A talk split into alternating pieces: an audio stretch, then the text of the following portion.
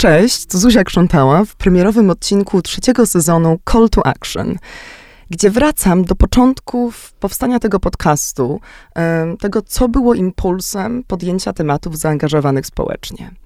A mam przyjemność gościć dziś osobę wyjątkową, której pisanie i działanie wymyka się krótkim notkom biograficznym. Porusza tematy historycznie zaniedbane, przemilczane, pozornie błahe, próżne, a może właśnie kluczowe w walce o przetrwanie. Łączy nieoczywiste modę i wojnę. Traktuje ubranie jako punkt wyjścia do rozmowy o człowieczeństwie. Karolina Sulej Cześć Zuzia, bardzo mi miło, że Cześć. mogę gościć w otwarciowym odcinku. Cudownie, Karolina, strasznie się cieszę na tę naszą rozmowę.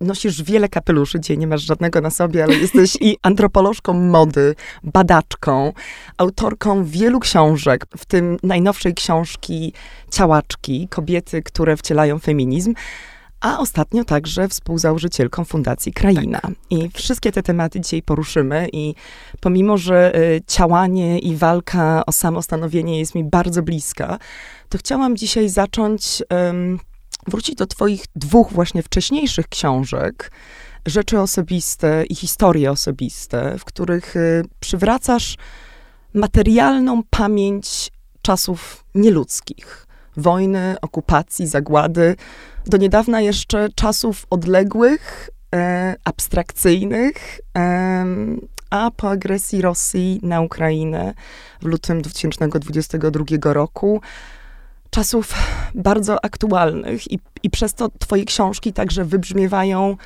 bardzo aktualnie. Kiedy wszyscy uczyliśmy się pomocy, ty mogłaś skorzystać z lekcji historii, w pewnym sensie nie wiedząc jeszcze, kiedy pisałaś te książki, zbierałaś te historie, że w pewnym sensie rozpisałaś sobie trochę taki przewodnik działania. Okazało się, że rzeczywiście mm, te książki stały się moim call to action, e, ponieważ okazało się, że mam pewne umiejętności, wrażliwość e, i w pewnym sensie instrukcję gotową, jak pomagać osobom, które straciły tożsamość w wyniku wojennej zawieruchy. E, tożsamość, czyli również swoje najbardziej osobiste, ważne rzeczy, które były dla nich oczywistością. E, wszyscy pamiętamy z prasy czy z telewizji, z takich migawek fotograficznych, osoby, które uciekają z jedną reklamówką w ręce, albo niosąc kota na rękach, czy ukochany kwiatek, który podlewali e, z miłością i nie są w stanie go zostawić. No i nagle się okazało, że to, co ze sobą zabieramy i to, co zostawiamy, ma ogromne znaczenie i czujemy się goli bez tych naszych rzeczy. E, I jeszcze na dodatek, że ludzie, którzy do nas przyjeżdżają, potrzebują e, pomocy humanitarnej, jasne, ale potrzebują też tej pomocy tożsamościowej, bo e, bez tych swoich rzeczy nie wiedzą w ogóle, kim są. I te ich potrzeby to często nie są potrzeby takie, jakie nam się wydają najbardziej konieczne, to znaczy wydaje nam się, że ktoś, kto ucieka, potrzebuje jakiejś ochrony fizycznej przed zimnem, czegoś na zmiany bielizny. Owszem, oczywiście, ale często te potrzeby są nieoczywiste, a szalenie ważne, ponieważ zaspokajają e, nie ten rodzaj jakby fizycznego niedomagania e, i dyskomfortu, ale psychicznego, który jest o wiele, o wiele ważniejszy do przetrwania. A większość osób, które do nas e, przyjechały, to były kobiety w różnym wieku, starsze, młodsze, mamy, babcie, młode dziewczyny, nastolatki. I te osoby potrzebowały jakiegoś erzacu, jakiegoś jakieś wskazówki, że ich życie się nie kończy, że tutaj mogą dalej e, wymyślać, co to znaczy być sobą. I kiedy się dowiedziałam, że w mojej e, macierzystej dzielnicy Warszawy, na Mokotowie, jest możliwość stworzenia miejsca Centrum Pomocy, to od razu tam się zgłosiłam, żeby postarać się wykorzystać ten mój potencjał. Myślałam, że do tej pory, że literacki, nie wiem, badawczy, e, taki bardziej, powiedziałabym, kojarzący się z radzeniem sobie z czasami, które można podziwiać, którymi się można przerażać z odległości. Natomiast mm, okazało się, że to jest sposób na to, żeby zaprojektować aktywizm, który działa e, i żeby nie robić krzywdy. I to było dla mnie ogromnie odkrywcze, e, ale jak się okazało, e, może czasy się zmieniają, autorytarne rządy również i szaleńcy są inni. Natomiast pomaganie odzieżą nadal działa oraz odbieranie człowieczeństwa poprzez pozbawianie rzeczy osobistych nadal robi ogromną wyrwę w życiu. To było dla mnie specjalnie poruszające także dlatego, że e, w Polsce, e, gdzie działy się rzeczy związane z okropieństwami II wojny i z zagładą, gdzie te rzeczy ludziom odbierano, gdzie gromadzono je w tak zwanej Kanadzie, czyli w wielkich magazynach, z których potem wędrowały pociągami do Rzeszy, to na tych samych terenach teraz ludzie oddawali swoje rzeczy z domu, z szafy, których nie potrzebowali, e, albo zdecydowali, że chcą je podarować osobom, które tych rzeczy nie miały, czyli pewnym sensie jest odwrotny proces.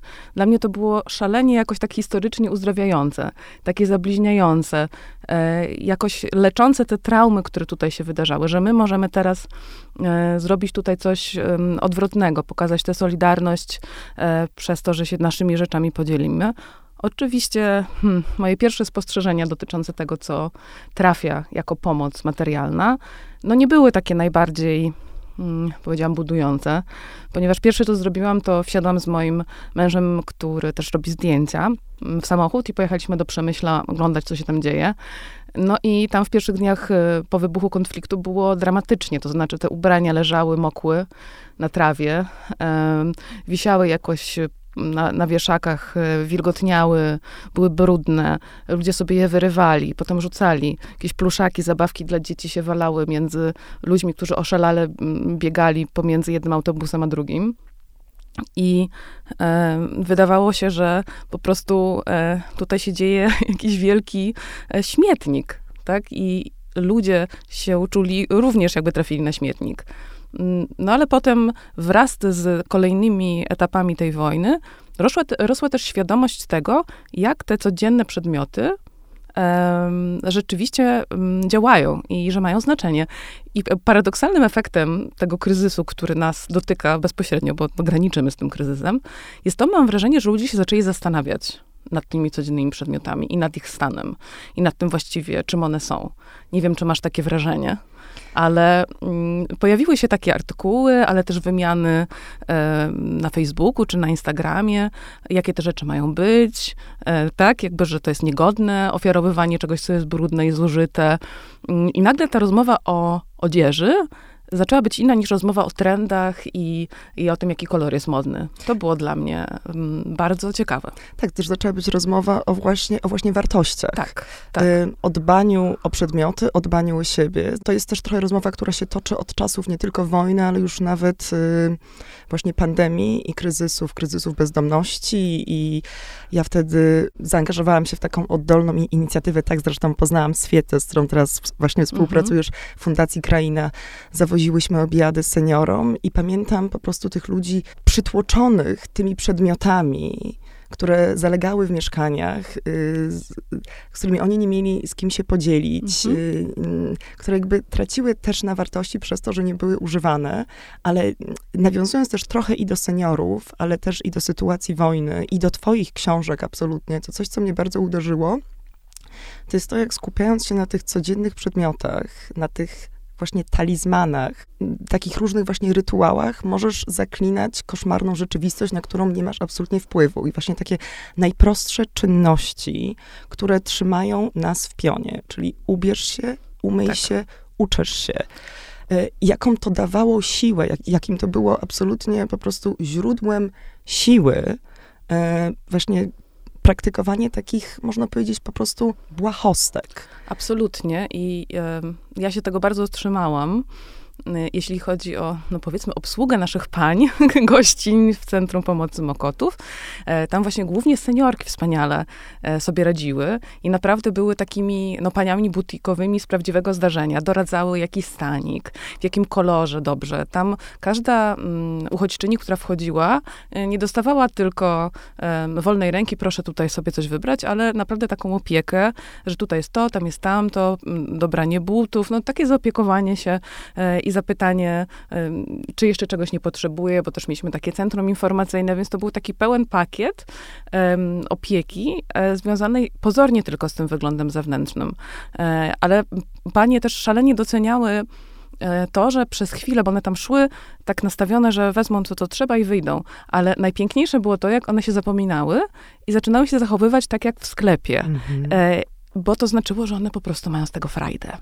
I mają taką chwilkę przyjemności, bo zobaczyły ładną sukienkę, bo zobaczyły kolorówkę. W ogóle to, że e, dostawałyśmy kosmetyki kolorowe, właśnie szminki, e, cienie, lakiery do paznokci, no to było dla nich e, szalenie e, zadziwiające. Najpierw, że to tutaj jest, a potem zachwycające, bo też wszystkie te panie miały przepiękny manikur zawsze zrobiony e, i patrzyły na nasze paznokcie w niezbyt dobrym stanie wtedy, e, kręcąc głową, bo w kraju pokoju my w ogóle zaniedbujemy tak oczywiste rzeczy. Ale byśmy byli tak... różnice kulturowe się pokazywały. Ale muszę przyznać, my Polki Polacy byliśmy tak strasznie zaniepani w tych pierwszych tygodniach wojny. Ja pamiętam, że po prostu chyba nie myłam włosów przez tydzień, bo to była kwestia tego, że właśnie prysznic z myciem włosów to jest 7 minut, a w, ty, a w mhm. trakcie tych, tych 7 minut telefon może zadzwonić 10 razy, tak. więc po prostu minimalizacja czasu.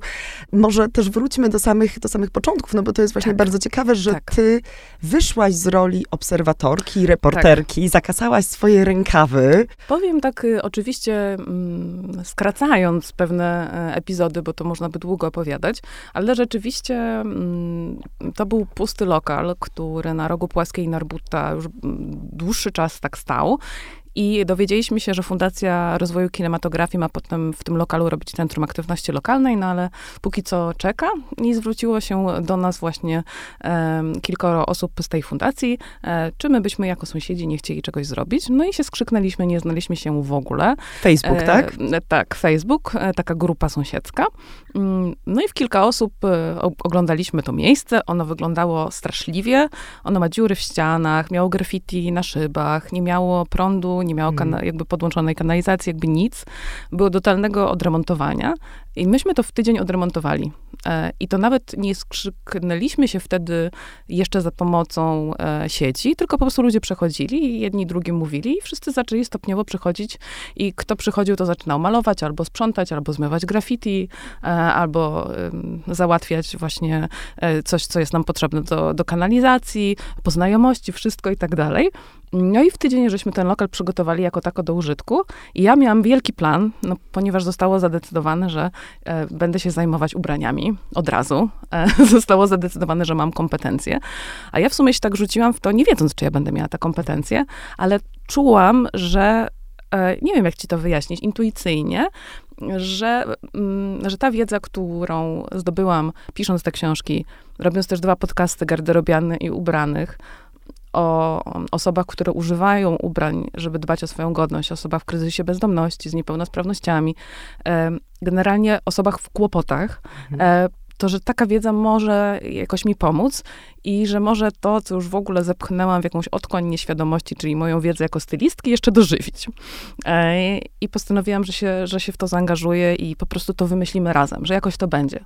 E, I jak na złość, jak tylko to wszystko zostało porządkowane i ja chciałam zbierać ubrania, żeby je ładnie wieszać i żeby wszystko miało porządek, to przyszła ogromna dostawa e, z Hiszpanii takich ubrań, które były w wielkich torbach kompletnie nieprzebrane, e, bardzo często w stanie e, dramatycznym, wiesz, jakieś podpaski nawet się tam znajdowały. No takie, na... nie było to przyjemne sortowanie tego wszystkiego i nie dało się z tego zrobić od razu takiego porządku, jak chciałam. Więc pierwsze rzeczy, na których się uczyliśmy i dokładnie też uczyliśmy się tak dotykając ich i ucząc się, co ludzie w ogóle uznają za coś, co można nazwać darem, to, to od razu e, jakby taki mój pierwszy idealistyczny e, sposób, wiesz, widzenia tego, jak tu będzie pięknie i jakie to będzie proste, bo wszyscy przecież nam pomagają, e, no to wystarczy, że przyjdą te piękne ubrania, ja je wyprasuję, ułożę i w ogóle ślicznie. No nie. Okazało się, że to jest zarządzanie wysypiskiem na początku i dopiero trzeba uczyć edukować kolejnych darczyńców. E, oczywiście nie mówię, że wszystkich, ale rzeczywiście było wiele osób, które te ubrania nam dawały i uważały, że to jest tyle.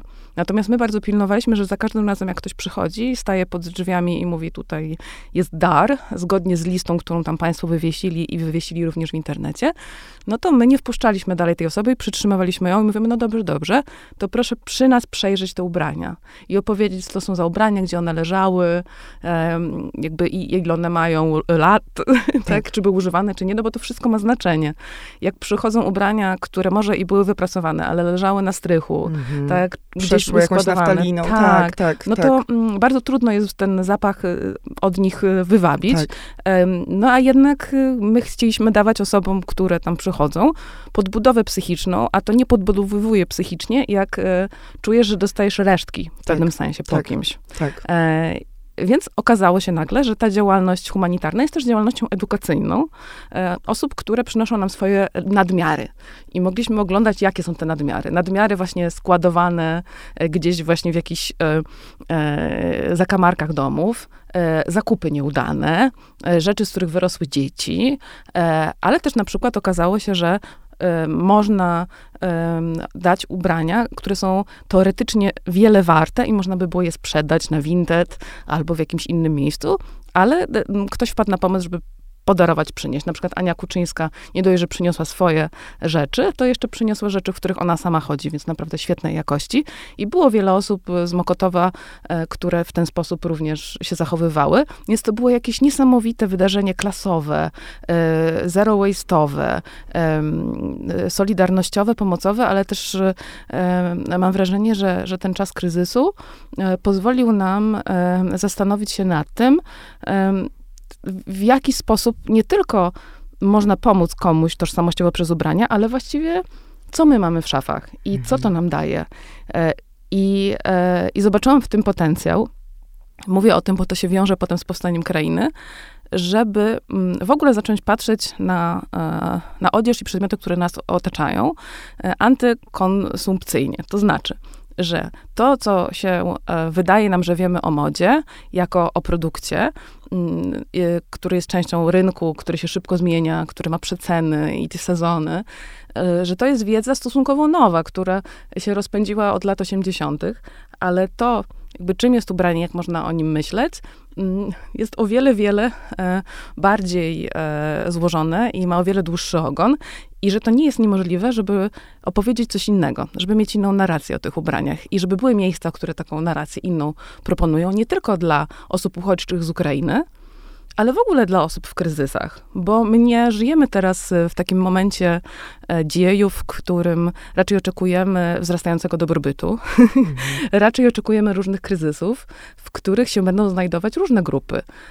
Osoby uchodźcze, osoby właśnie w kryzysie bezdomności, e, seniorzy z niską emeryturą, osoby, które nie będą sobie radziły z rosnącą inflacją, osoby w kryzysie zdrowia psychicznego i tak dalej.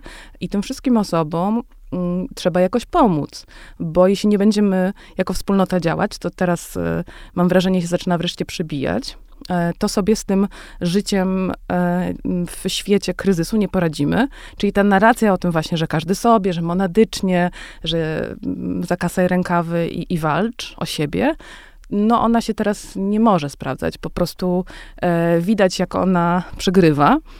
I z grupą osób, którymi tam pracowaliśmy, koordynatorami, doszliśmy do wniosku, że we mieście XXI wieku muszą być takie miejsca, które oferują przedmioty, usługi, warsztaty dla osób, które nie wiem, nie chcą zapłacić, nie mogą zapłacić, chcą się wymienić, które są po prostu zrobione według innej logiki niż ta związana z pieniądzem.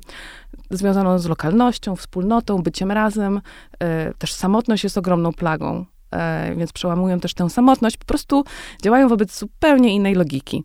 E, no i odkąd e, jakby zaczęłyśmy, głównie kobiety, o tym myśleć, to to miejsce Centrum Pomocy Mokotów, które działało od marca do końca czerwca 2022 roku, stało się dla nas nie tylko jakby miejscem uczenia się, jak pomagać uchodźcom i uchodźczyniom, ale też takim miejscem eksperymentu, laboratorium tego, jak można w ogóle świat wymyślić na nowo. Znaczy mówisz o tym, o tych takich trudnych właśnie początkach, mhm. ale ja pamiętam, jak y, czasem do was właśnie podjeżdżałam z jakimiś darami, ja to miałam tak. kremy, bo ja także, także prowadziłam ta, taki free shop na taką mini skalę y, w przestrzeni, którą zorganizowaliśmy dla rodzin z matkami w centrum. Y, jak później likwidowaliśmy to miejsce, zostało nam trochę nowych rzeczy. Tak. I ja byłam pod wielkim wrażeniem, jak to było jednak niesamowicie zorganizowane, jak wszystko było opisane, hmm. jak były wieszaki, jak były pudła po polsku i po ukraińsku i wydawało No, mi się, że po prostu absolutnie Mieliśmy cały regulamin sortowni, Tak, wiesz, to w- tak. inaczej to byśmy zwariowały. Ale że po prostu, że, że tam był taki porządek jednak w chaosie, który panował wszędzie. No i chaos, który także panował na ulicach, bo to miejsce, no, przykuwało tłumy. Pamiętam te ogromne kolejki, które się ustawiały Tak. w nocy, ustawiały się w deszczu.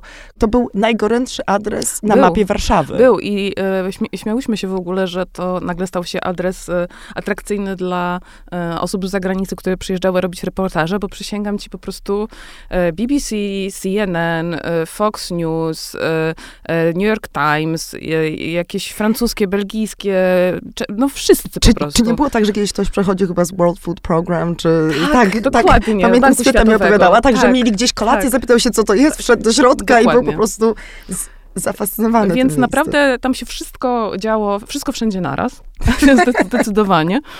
Natomiast była w tym e, logika i pewien rodzaj takiego, no wręcz magicznego e, zbiegów okoliczności, bo jak nam czegoś zaczynało brakować, to się natychmiast pojawiało. E, Ja pamiętam, że miałyśmy taką dostawę od Fundacji Jolanty Kwaśniewskiej, która była tak ogromna, że zbudowaliśmy z niej taką górę kartonów i żeby pokazać, jak jest wielka, to na nią wlazłyśmy i tam siedziałyśmy i patrzyłyśmy się z góry na wszystkich, bo no to była jakaś euforyczna e, opowieść. E, a zresztą e, mam nadzieję, że powstanie film dokumentalny o e, Centrum Pomocy Mokotów, który robię razem z Matyldą Jabłonką, która jest reżyserką. Ja jestem scenarzystką i też przeprowadzałam wywiady do tego filmu, który stara się tego ducha Centrum Pomocy Puławska złapać oraz opowiedzieć, dlaczego ludzie mm, pomagają i e, dlaczego w ogóle e, nam się chce poświęcać tyle energii i e, kreatywności, e, żeby, żeby coś dać od siebie. I te historie, które ludzi doprowadzały do Centrum Pomocy Mokotów, wolontariuszy, koordynatorów, no były naprawdę różnorakie i wynikały z przepracowywania własnych traum, e, najczęściej różnych. Natomiast to, co je łączyło, to taka wiara, że warto toczyć e, ten syzyfowy kamień pod górę. I że e, szczęście, mimo że ta praca się nigdy nie kończy, jest w tym procesie bycia razem i, e, i pracy wspólnej na rzecz tego, żeby było chociaż trochę lepiej. I to mi się wydało przejmujące i chyba dlatego postanowiłam w tym zostać, bo wiesz, oczywiście pisanie jest dla mnie szalenie ważne i to, jak można dać odpowiednie rzeczy słowo i ktoś to może usłyszeć i, i powtórzyć dalej, uważam, że e, książki mają ogromną wartość jako, jak to mówiła Toni Morrison, no, noblistka, bardzo polecam jej eseje Samoszacunek, e, że wyobraźnia jest bardzo ważna i że najpierw musi być wizja i, i taki rodzaj odwagi w wymyśleniu świata inaczej, żeby można było w ogóle coś zmienić. E, I takiej odpo- osobistej odpowiedzialności za to na zasadzie Martina Luthera Kinga I have a dream. I że ten dream to nie jest żadne takie śnienie e, sobie amuzą, tylko takie wyśnienie rzeczywiście lepszego świata i, i potem podążanie za tym. Natomiast e, zorientowałam się, że mm, jakby tego rodzaju pomoc jakby nie wyklucza tego, żebym ja em, też realnie była z ludźmi i te wszystkie rzeczy, o których wiem, o których powiedziałaś, właśnie rytuały związane z codziennością, e, wymyślanie lepszego świata, że ja to wszystko mogę też z ludźmi robić i że oni to też mogą robić, bo w każdym jest ten potencjał, bo te rzeczy związane właśnie z tą materialnością, która nas otacza, tymi talizmanami, z tym, że coś nam robi lepiej, a coś gorzej, to są bardzo proste rzeczy, które nas wszystkich łączą i że ja w pewnym sensie mam modelowy podręcznik już w głowie napisany mm, do tego, jak, jak produkować te uczucia, które chciałabym, żeby ludzie mieli czytając moje książki, też takiej grupie roboczej. Mm, I zaczęłam sobie to spisywać i, em, i też wtedy się właśnie zaczęły rodzić różne pomysły na krainę, czyli po prostu na to, jak e, zachować ten rodzaj euforii em, i też takiej wspólnej pracy nad tym, żeby istniała wspólnota lokalna i co to w ogóle znaczy. Em, I żeby to, czego się nauczyliśmy w takim kryzysie, no jednak radykalnym, tak jak właśnie sama mówiłaś, że nie było czasu w ogóle głowy umyć, to, to jak można te wartości przetłumaczyć na długie trwanie? Nad tym się zaczęliśmy zastanawiać.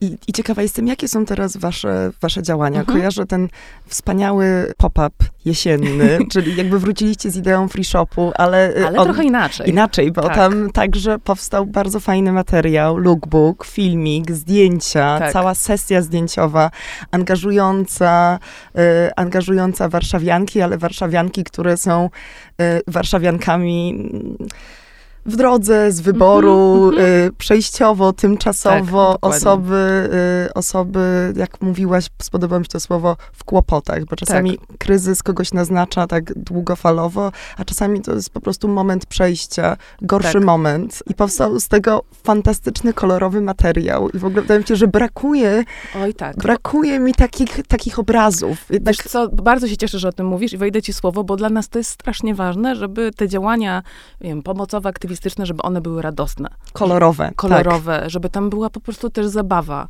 E, bo naprawdę ludzie tego tak ogromnie potrzebują, e, żeby można było się powygłupiać, żeby to jakby dziecko w sobie nakarmić, e, bo to daje mnóstwo siły i też bardzo obnaża w taki dobry sposób i dzięki temu ludzie mogą się ze sobą dogadać w tej zabawie. Mm, a nie e, od razu się chować za tym, tamtym i owamtym. E, no taka nie, niepowaga, ale w takim dobrym tego słowa znaczeniu działa. E, I my chcemy mieć wesołą pomoc humanitarną. Nie, nie chcemy tego zmieniać. I jak wymyśleliśmy krainę, to to jednym z takich rzeczy, która była dla nas najważniejsza na samym początku, to to, żeby nadal działać nieszablonowo. My nie mamy doświadczenia pracy w NGO-sach, żadne z nas. Natomiast mamy doświadczenia związane z branżą kreatywną, właśnie z pracą z ludźmi, na różnych zasadach. Sztuka jest dla nas ogromnie ważna i uważamy, że narzędzia sztuki bardzo się sprawdzają.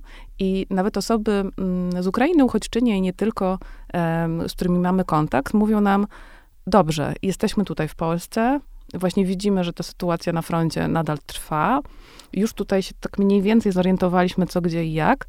No ale teraz chcemy, żeby nasze życie mm, też miało jakiś e, rodzaj ciężaru takiego właśnie kulturalnego, tak? Jakby gdzie mamy iść, co mamy robić, jak się mamy rozwijać. I chcemy takie propozycje też teraz, nie tylko związane z e, taką pomocą materialną, ale też taką właśnie warsztatową, żeby pokazać tym ludziom, że mogą mieć radochę z życia tutaj w Polsce, że to nie jest tylko na przeczekanie.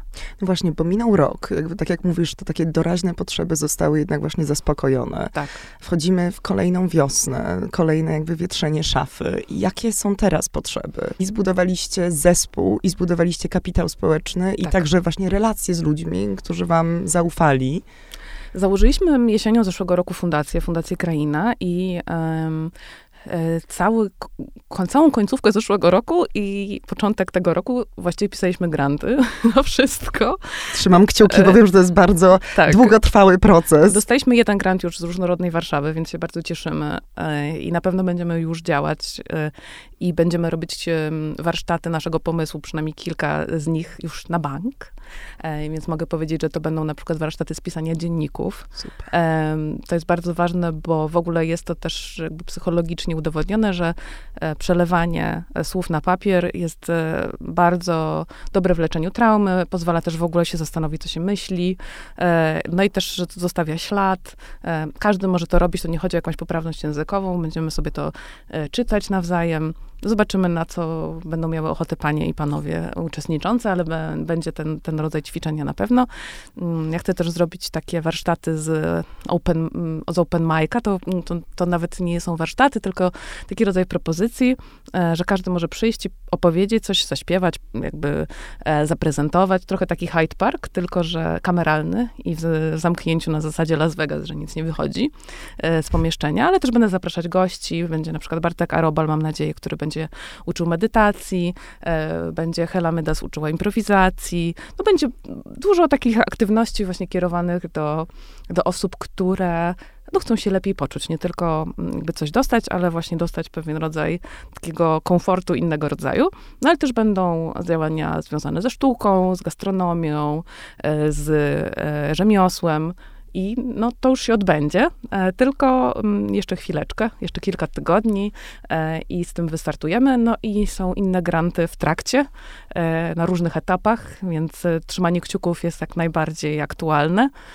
My też apelujemy, jeśli pozwolisz, to może to tutaj też powiem, jeśli mm, ktoś miałby ochotę nas wesprzeć jako mecenas albo mecenaska, mm, jakimkolwiek groszem, to też będziemy bardzo szczęśliwi, ponieważ, no jak można się domyśleć, na przykład wynajmowanie lokalu w Warszawie nie jest to prosta sprawa, no a póki co musimy to robić na zasadzie komercyjnej, bo sprawy miejskie e, troszkę utknęły. Mam nadzieję, że miasto przyspieszy, e, wrzuci jakiś inny bieg, ale póki co radzimy sobie jak tylko możemy. Dla mnie jeszcze siła właśnie Puławskiej, Centrum, Centrum Pomocy Mokotów, była w tym, że e, osoby mogły dokonać wyboru, mhm. że to nie były rzeczy, rzeczy z przedziału, um, ale właśnie tak jak, tak jak mówiłyśmy wcześniej, założenie takiego tygrysowego futerka pozwalało gdzieś jakby... Yy, z czeluści swoją, swoją zapomnianą tożsamość y, jakby przywrócić, że, że, że właśnie możliwość bycia sobą to daje poczucie absolutnego bezpieczeństwa. Tak, bo to jest wolność. Moda to jest wolność. To jest y, jedno z piękniejszych zdań, jakie e, wzięłam od ocalałych z zagłady. Wolność do tego, żeby zdecydować, kim będę, jak się pokażę światu, co sobie powiem przez to, jak się ubiorę, mm, bo moda mm, jest rodzajem performance'u. E, wszyscy żyjemy w jakimś teatrze życia codziennego, jak Goffman pisał. E, I moda i scenografia, czyli to, czym się otaczamy i to, co mamy na sobie, daje nam pewne moce albo nas pozbawia pewnych umiejętności. Moda pozwala nam się schować, e, pozwala nam się wyeksponować, pozwala nam manipulować, pozwala nam być właśnie przeciwnie, nagim wobec drugiego człowieka, niedosłownie albo dosłownie, jak chcemy. I, e, i to wszystko działa na poziomie świadomym lub nie. Nawet jeśli uważamy, że się tym nie przejmujemy i że to nie ma na nas znaczenia, to też jest pewien komunikat.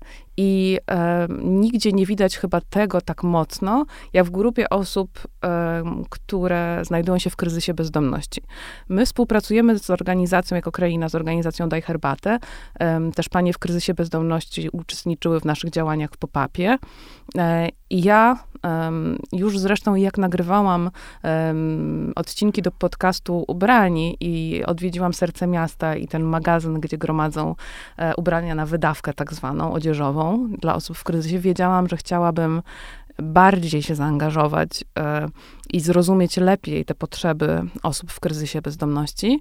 I teraz miałam szansę to zrobić niedawno, ponieważ e, razem współ, z Daj Herbatę e, współuczestniczyłam w Dniu Kobiet dla kobiet w kryzysie bezdomności. I ten dzień polegał na tym, że to już był trzeci z rzędu rok, kiedy ten dzień był organizowany i kobiety w kryzysie bezdomności tam przychodziły i dostawały tam manicure, pedicure, masaże, zabiegi na twarz, e, a potem makijaż, fryzury, e, no i ubrania, jakie sobie wybrały i na koniec tego wszystkiego było zdjęcie. E, I w tym roku zdjęcia robiła Eliza Krakówka, wyszły wspaniale i w wysokich obcasach z okazji Dnia Osób Bezdomnych 15 kwietnia się ukazał materiał.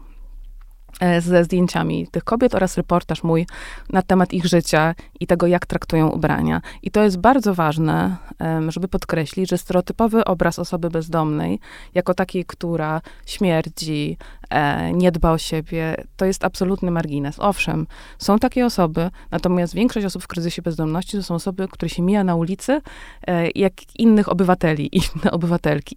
I to są osoby, które poświęcają całe swoje dnie na to, żeby znaleźć miejsce, żeby się umyć, czyste ubrania, e, sposób na to, żeby te rytuały codzienności pielęgnować. E, I e, większość ich wysiłków jest ku temu poświęcona. Czyli niedaleko to pada od wysiłków związanych z chęcią przeżycia w obozach pracy czy zagłady. Nie porównuję tego, ale jednak są to osoby z radykalnym brakiem E, życiowych e, środków, e, a jednak chcą one zachować godność i chcą być częścią społeczeństwa, nie chcą być z niego wyłączone. I kobiety szczególnie mają bardzo trudno na ulicy, ponieważ każdy przejaw kobiecości naraża je na przemoc seksualną. I każdy przejaw kobiecości też jest no, w pewnym sensie naddatkowy w takim życiu i najpierw trzeba co innego załatwić, a jednak wiele z nich E, mimo wszystko stara się mieć pomalowane paznokcie, e, zdobyć jakiś kosmetyk, e, odkłada na fryzjera, odkłada na dentystę. I to są wszystko heroiczne heroiczne wysiłki.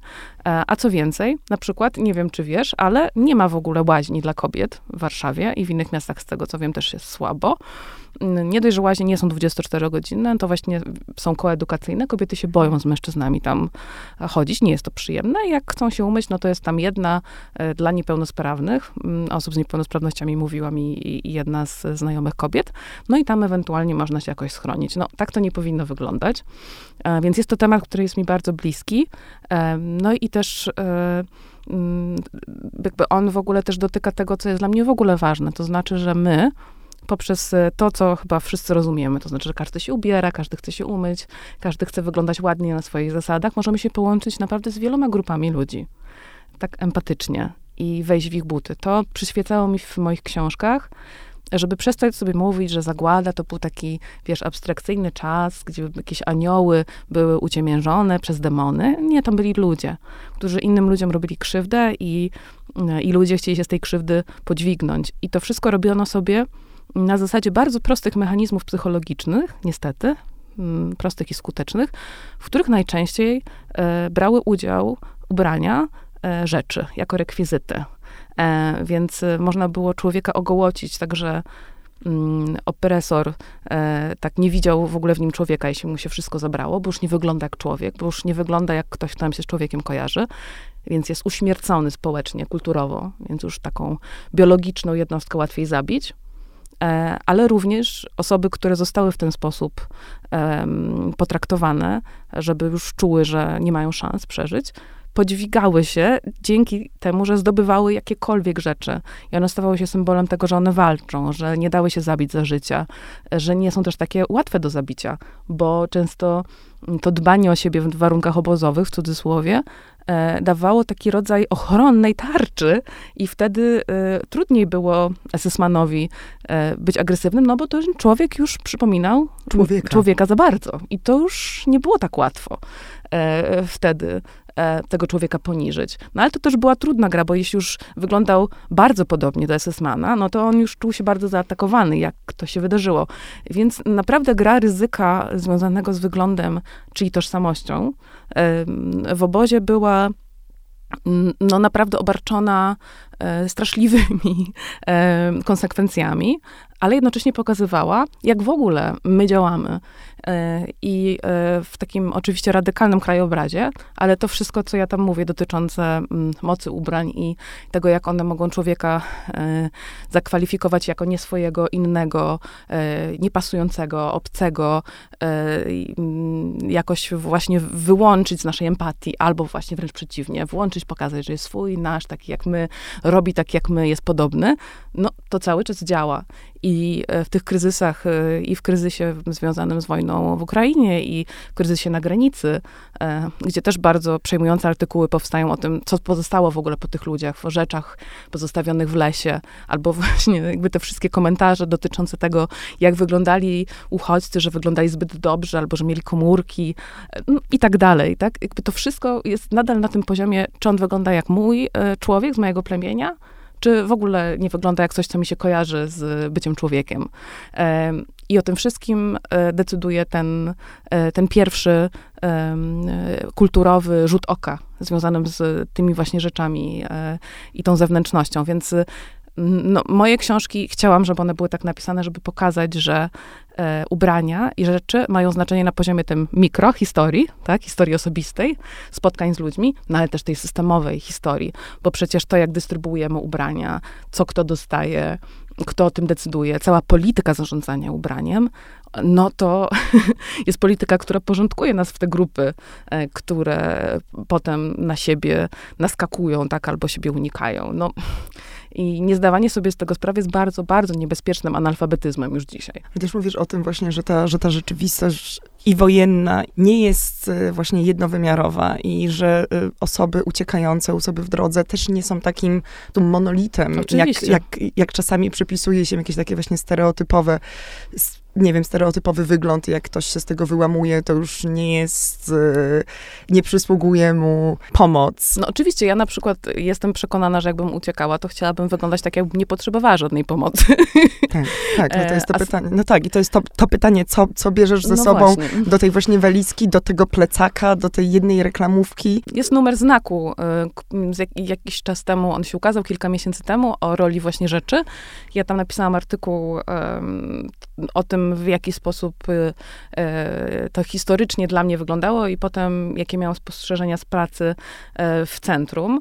E, I w ogóle cały ten numer em, właśnie opowiada o tym, jak e, m, ten rodzaj groźby, że ktoś może nam odebrać tą naszą oczywistość, y, podziałał też na osoby z Polski, tak? Jakby, Tak. że się zaczęła nad tym zastanawiać i że to się zrobił temat em, jakiejś refleksji domowej. No, ale pandemia rzeczywiście wcześniej przygotowała pod to grunt. To jest prawda, bo y, ja też pamiętam, że moja książka była bardzo mocno też interpretowana wobec pandemii. To jest w ogóle ciekawe, że najpierw pandemia i ta książka to ze sobą zaczęły rozmawiać, a potem jakby ten kryzys wojenny też ją przywołał. E, No i mnie się wydaje właśnie, że to jest e, dowód na to, że e, ludzie chcą i intuicyjnie rozumieją to, że rzeczy i jakby ich codzienne rytuały nie zależą od produktowego uporządkowania, wiesz, i planów sprzedażowych firm, no tylko jednak od tego, jak się czujemy, chcemy czuć, czego się boimy, e, co nam pomaga. E, No i oczywiście firmy to potem wykorzystują, bo kapitalizm wszystko przerabia na, na reklamę. Natomiast e, mam wrażenie, że coś się już w ludziach pootwierało, takiego głęboko humanistycznego i bardzo bym chciała, żeby i pisarze, i osoby twórcze, i osoby, które się zajmują modą, mm, się temu pilnie przyglądały. I czekam na kontynuację y, historii osobistych, czy to będzie głosem y, osób, z którymi współpracujesz w czasie warsztatów, czy to będą Mhm. filmy, reportaże. No na pewno nie przestanę. Mam nadzieję, że filmy, mam nadzieję, że reportaże. E, Jest bardzo wiele miejsc, gdzie te rzeczy osobiste mają znaczenie i gdzie potrzeba i interwencji aktywistycznej, i reportażu. E, Ostatnio byłam częścią też takiej opowieści o polskim, e, polskiej służbie zdrowia, ochronie zdrowia. Byłam w szpitalu i przyglądałam się, jak wygląda dostęp do rzeczy osobistych tam i co jest ważne. I to też jest temat, który mnie bardzo zainteresował. Właśnie, poczucia, poczucia godności, godności, Tak. sprawczości, Dokładnie. podmiotowości. Mhm. Więc na pewno będę się temu bardziej przyglądać i na różne sposoby, i aktywistyczne, i, e, i literackie, więc gdzie się nie spojrzę właściwie, tam jest temat związany z dobrostanem e, i jakąś e, społeczną potrzebą i e, no i wskazaniem tego za pomocą odpowiednich słów. Pięknie ci dziękuję. To była bardzo, bardzo, dziękuję. inspirująca rozmowa. Bardzo dziękuję. Mam nadzieję, że się na coś przyda.